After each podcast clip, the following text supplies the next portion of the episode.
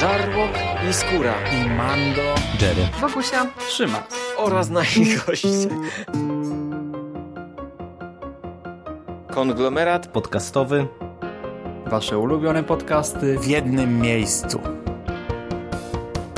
Zapraszamy. Zapraszamy. Zapraszamy. zapraszamy. Zapraszamy.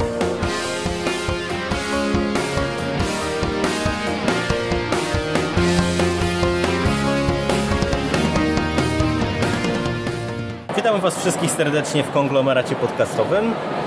Jesteśmy na Pyrkonie, nadajemy prawie na żywo i, i są z nami Unka Odia, autorka e, Tak. Broma. To Witamy. ja. Miło mi bardzo. Oraz Jerzy Łanuszewski, Dzień dobry. założyciel wydawnictwa 23, który Broma wydało. I tak jak e, wiecie z naszej recenzji niedawnej komiksu, który nam się podobał, postanowiliśmy wykorzystać, że jesteśmy tutaj wspólnie w Poznaniu e, i krótko porozmawiać jeszcze o samym wydawnictwie, o komiksie, o ewentualnie dalszych planach. E, Ale zanim te poważne pytania, e, słuchajcie, jesteśmy krótko po Wielkanocy, więc w sumie bardzo ważne pytanie i ważkie. Sernik z rodzynkami czy bez? Unka. E, oczywiście sernik z rodzynkami to wynalazek szatana. Ja w ogóle rodzynki i kminek to są dwie rzeczy, które ja nie wiem kto wpadł na to, aby je jeść, ale ewidentnie nienawidził ludzi. Czy, czy, Nie, nie widzicie tego, ale mi się robi słabo. czy, czy, czy już nigdy nie będziemy mogli być przyjaciółmi? Nie, nie. Ja na szczęście wychodzę z założenia, że e, sernik z rodzynkami ma to do siebie, że najlepiej jak jest ktoś, kto nie lubi sernika z rodzynkami, ktoś, kto lubi sernik z rodzynkami, bo wtedy można rodzynki wydłubać i wszyscy są szczęśliwi. Dobra, e, jeżeli już jesteśmy przy Wielkanocy i jedzeniu, to e, majonez kielecki czy winiary? W miarę. Doskonale, dobrze. dobrze. Jerzy? Sternik z kokainą. A, na grubo. Najlepszy, jak Unka zrobi. Jak mamy. Ale to tak tylko na e, przetarcie szlaków. E, Jerzy, pierwsze pytanie do Ciebie, bo od lat e, współtworzysz warchlaki, e, Prawda. e, tak, jako Zin. I Bron oraz Johannes Schachman, który został zapowiedziany przez Was jako kolejny z Waszych tytułów, debiutowały w- na, na łamach e, warchlaków jako Zina. To nieprawda. To nieprawda. Bron debiutował na łamach e, kolektywu, który był A, długo, długo przed jeszcze warchlakami. W czasach, kiedy nikomu się o warchlakach nawet nie śniło. U, Jestem bardzo stara. U, Tak. Fajnie.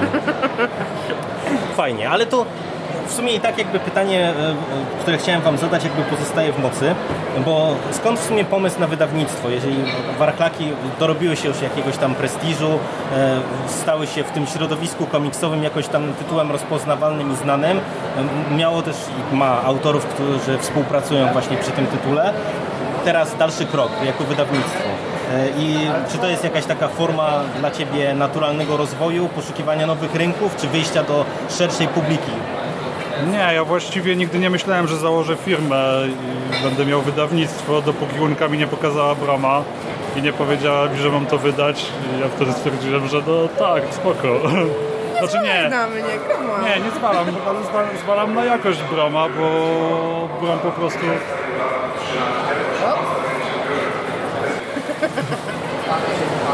E, jak Urka mi pokazała prawie że skończonego Broma, to stwierdziłem, że ten komiks jest tak dobry, że warto dla niego założyć wydawnictwo i nie chciałem, żeby ktokolwiek inny to wydał. A potem kazał mi całą masę przerysować. To prawda. Czyli był tak dobry, ale mógł być jeszcze lepszy. Wiadomo. Jerzy ma fetysz dymków, które wychodzą zaraz bezpośrednio z ryja osób mówiących. Ja mam fetysz dymków, które mają Które są zupełnie oddalone od osób na drugim końcu kadru w ogóle, także na innej stronie. dokładnie. No jakoś się, jakoś się dogadaliśmy. Dymki wychodzące z grupy. Tak. No tak, ten efekt końcowy na szczęście dla czytelników jest pozytywny, ale o tym jeszcze za chwilę. E, powiedzcie, e, czy z Waszej perspektywy e, coś istotnego się zmieniło i jakie widzicie zmiany, jak żeście wyszli, można powiedzieć, z tego komiksu trochę niezależnego, który jest mimo wszystko bardziej z tą komiksową niszą związany do tego mainstreamu, no bo jednak jesteśmy na festiwalu fantastyki, gdzie oprócz ludzi, którzy znają, czytają komiksy, jest bardzo dużo takich odbiorców, powiedziałbym trochę przypadkowych, albo nie wiem, którzy kojarzą komiks tylko i wyłącznie z superhero. Od, jakiegoś czasu w zasadzie z Bromem jeździcie też e, po festiwalach i tak dalej, tak dalej. Spotykacie się pewnie e, z szerszym odzewem. Jak wy to postrzegacie? Jak to wygląda z waszej perspektywy? E, to czy ja mogę zacząć, że mam wrażenie, że z komiksem jest troszeczkę tak jak e, z kinem. Masz ludzi, którzy chodzą wyłącznie na popcorniaki i masz ludzi, którzy po prostu zawsze będą sobie chodzić do jakichś tam kin studyjnych, Heliosów, jeździć na festiwale filmowe. E, No i wydaje mi się, że niezależnie od tego, czy robi się mm, komiksy niezależne jakieś tam ziny typu wa- warklaki, które nie mają ISBN-a, czy, czy no właśnie coś takiego jak Brom, jeżeli to nie jest superhero, to, to ma swoją niszę odbiorców i no, no i oni to kupią, mam nadzieję. Mam nadzieję, że im się spodoba. Czy wiesz, no jak ten, jak e, największa różnica między Zinem a normalnym wydawnictwem to jest kwestia skali i skali możliwości. Zin jednak e, ma, ma bardzo niewielkie nakłady, więc też nie można tego szeroko reklamować. Bo to nie ma sensu. Z Bromem mogę, Bromem mogę siać wszędzie, a przynajmniej staram się siać wszędzie, Jest to pewne. jest to prawda. To ma swoje potem konsekwencje. Ma konsekwencje, ale no, są konsekwencje, z którymi się liczymy. Yy, I właśnie można dotrzeć do zupełnie nowych ludzi. Yy, Teraz Brom będzie miał recenzję w książkach, w magazynie wyborczej i w Nowej Fantastyce, już na dniach. Yy, Będzie na Kurzojadach. Ja przepraszam, bo ja nie śledzę jakby promocji mojego własnego. Bo nie, może mówiłeś, a czy ja byłam trzeźwa. Raczej nie. Ale ja też nie. To, to po tym serniku. No. E, Poza tym też e, wydając normalnie z SBN-em ma się inne możliwości dystrybucyjne.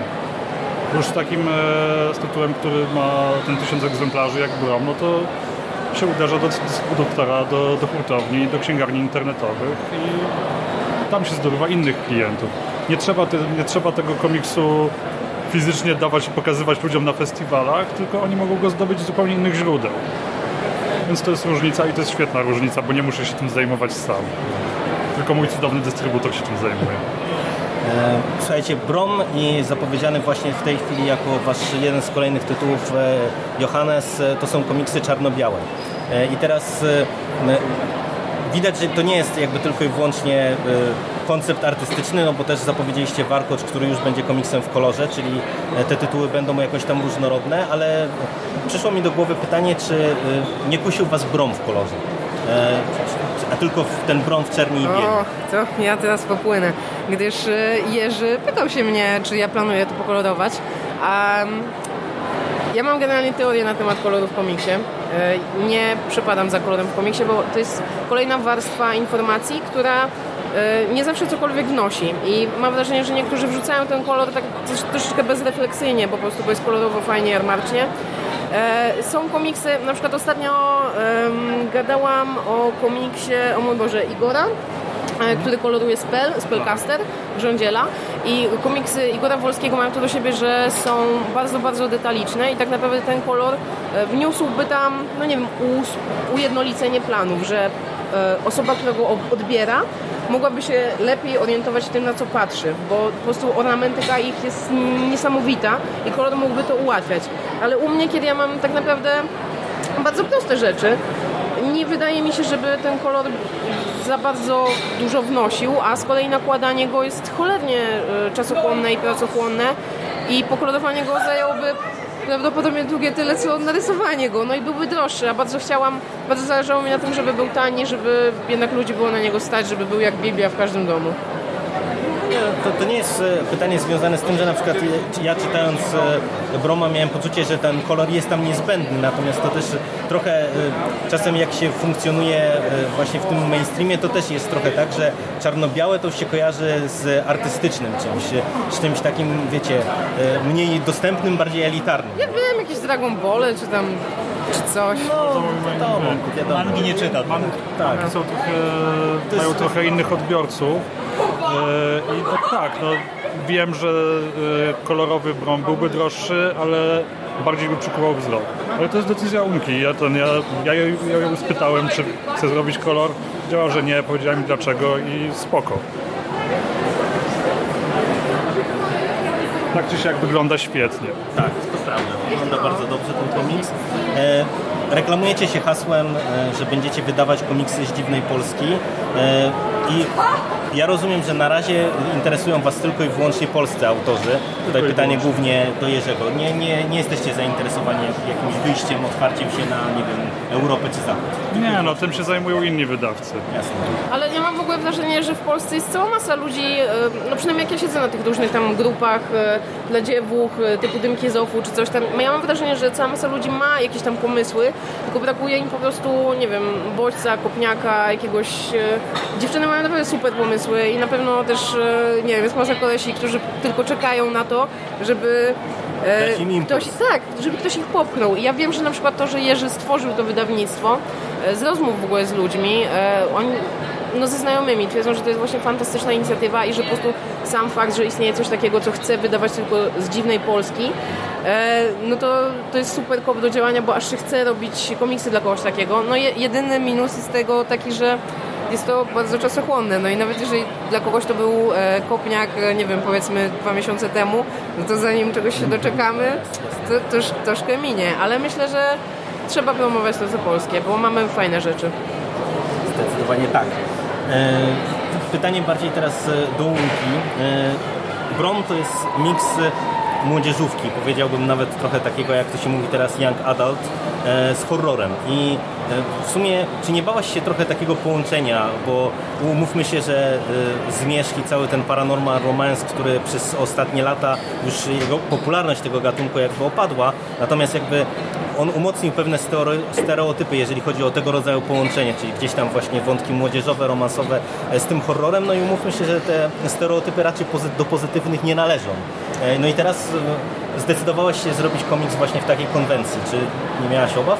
Wiesz co, ja generalnie jak robię, to staram się nie myśleć, bo jakbym zaczęła myśleć, to pewnie nic bym nie zrobiła, bo byłabym kompletnie przerażona raz, że ogromem pracy yy, i, i właśnie recenzjami i tym, jak to będzie odbierane. W ogóle od jakiegoś czasu staram się nie czytać recenzji, bo są okej. ostatnie są ok, ale no to też jest, no wiecie, no to jest jednak mój dzieciaczek. Ja bardzo nie wiem... Ja zawsze robiłam rzeczy dla klienta, z którymi nigdy nie czułam się personalnie związana, a to jest jednak moje dziecko i jak ktoś tam mówi, że nie wiem, że jest brzydkie albo upośledzone, no to jest mi trochę przykro. Em, ale ten, zaczęłam pomysł na tą historię no, kiełkował we mnie od 10 lat i 10 lat temu, chyba jeszcze wtedy Zmierzch nie był. Ja nie wiem, kiedy powstał Zmierzch, szczerze powiedziawszy. No, wiem, że zaczęły...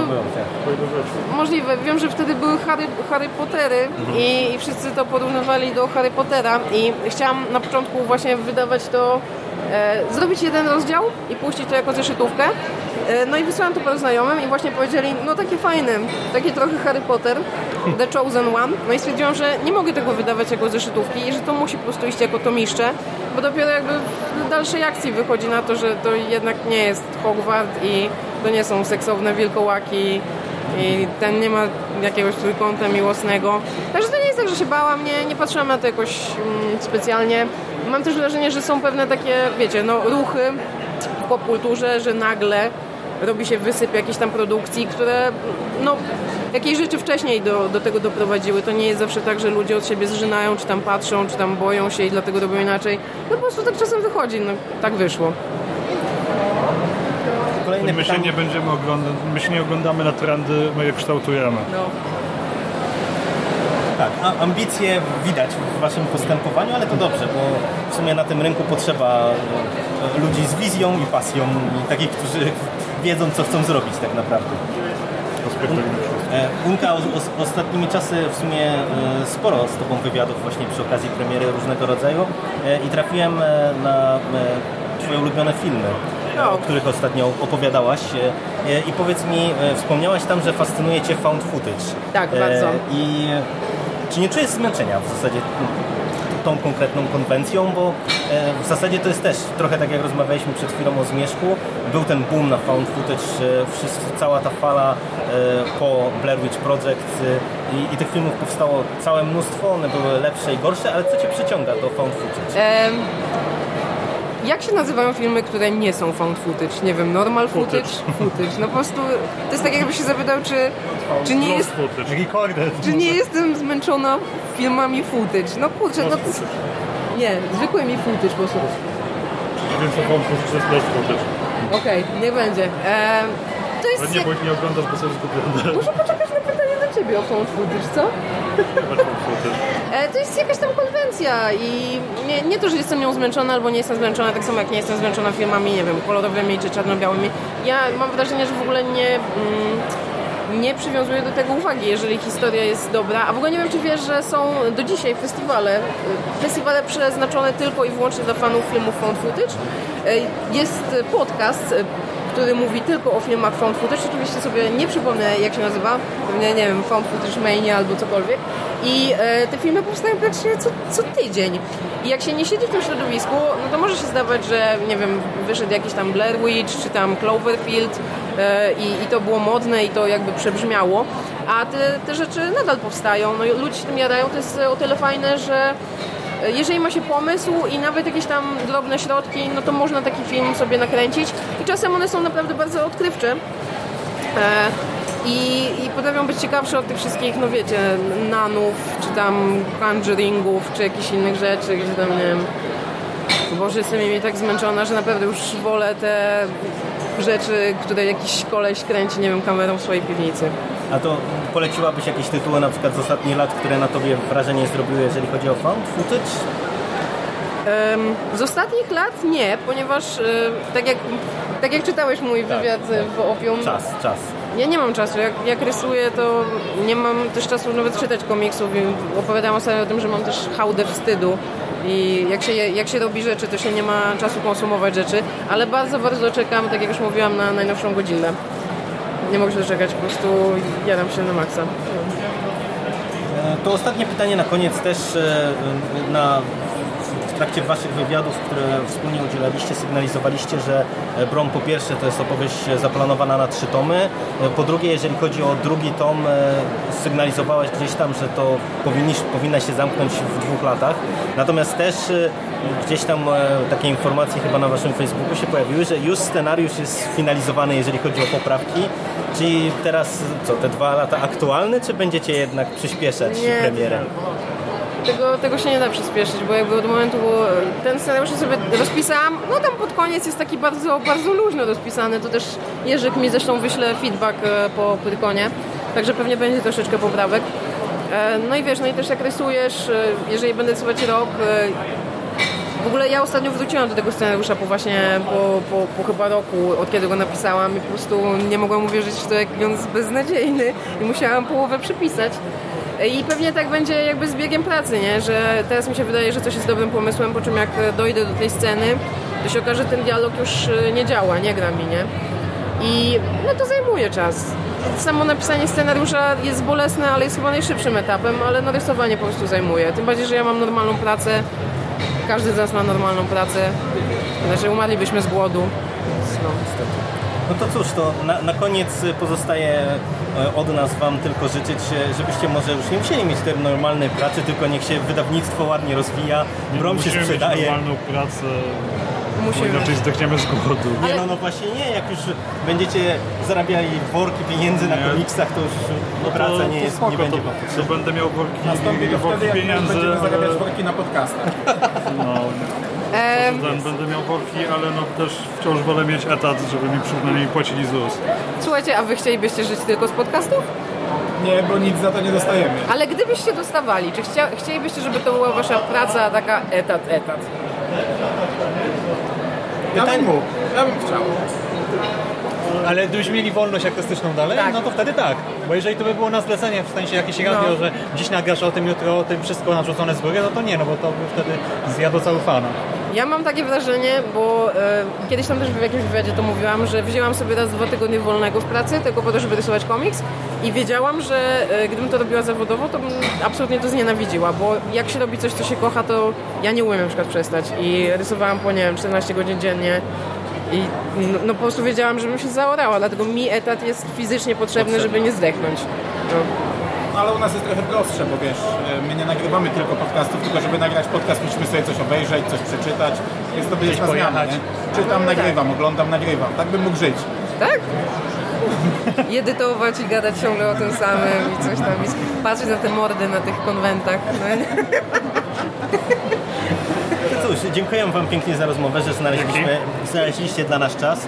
ju, jutro jeszcze, e, rozumiem, prelekcje dalsze macie. Kryptydy, tak? Tak, kryptydy. Wpadajcie, wpadajcie. Niestety, no my akurat będziemy gadać w tym samym czasie. Tak nam się, tak nam się poukładały prelekcje. Ale cóż, Ale Unka opowie, jak y, rozjebała odbyt swojemu idolowi, y, artystycznemu. Simonowi Wisler. Wizejowi. Nie, mój Boże. Opowiedz to, to jest super historia. Ja uwielbiam sypać anegdotami. Jerzy się upadł, żebym opowiedziała jedną, e, ale to może, to może wam opowiem kiedyś, po, już poza... poza anteną. Tak, to dziękujemy Wam serdecznie za, za rozmowę i za nagranie. Może na propeksy. W ogóle, bo nie było mnie na początku, sernik z rodzynkami czy bez? Nie, nie wiesz, ale sernik z rodzynkami to jest podobno dzieło szatana. Tylko sernik z kokainą. A, słowo kokaina słyszałem. To przechodziłem. Wszystko się zgadza. Zgadza. No to dzięki. Dzięki, dzięki.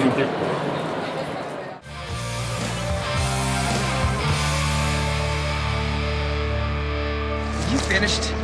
man. Game over, man. It's game over. What the fuck are we gonna do now? What are we gonna do? It's over. Nothing is over. Nothing.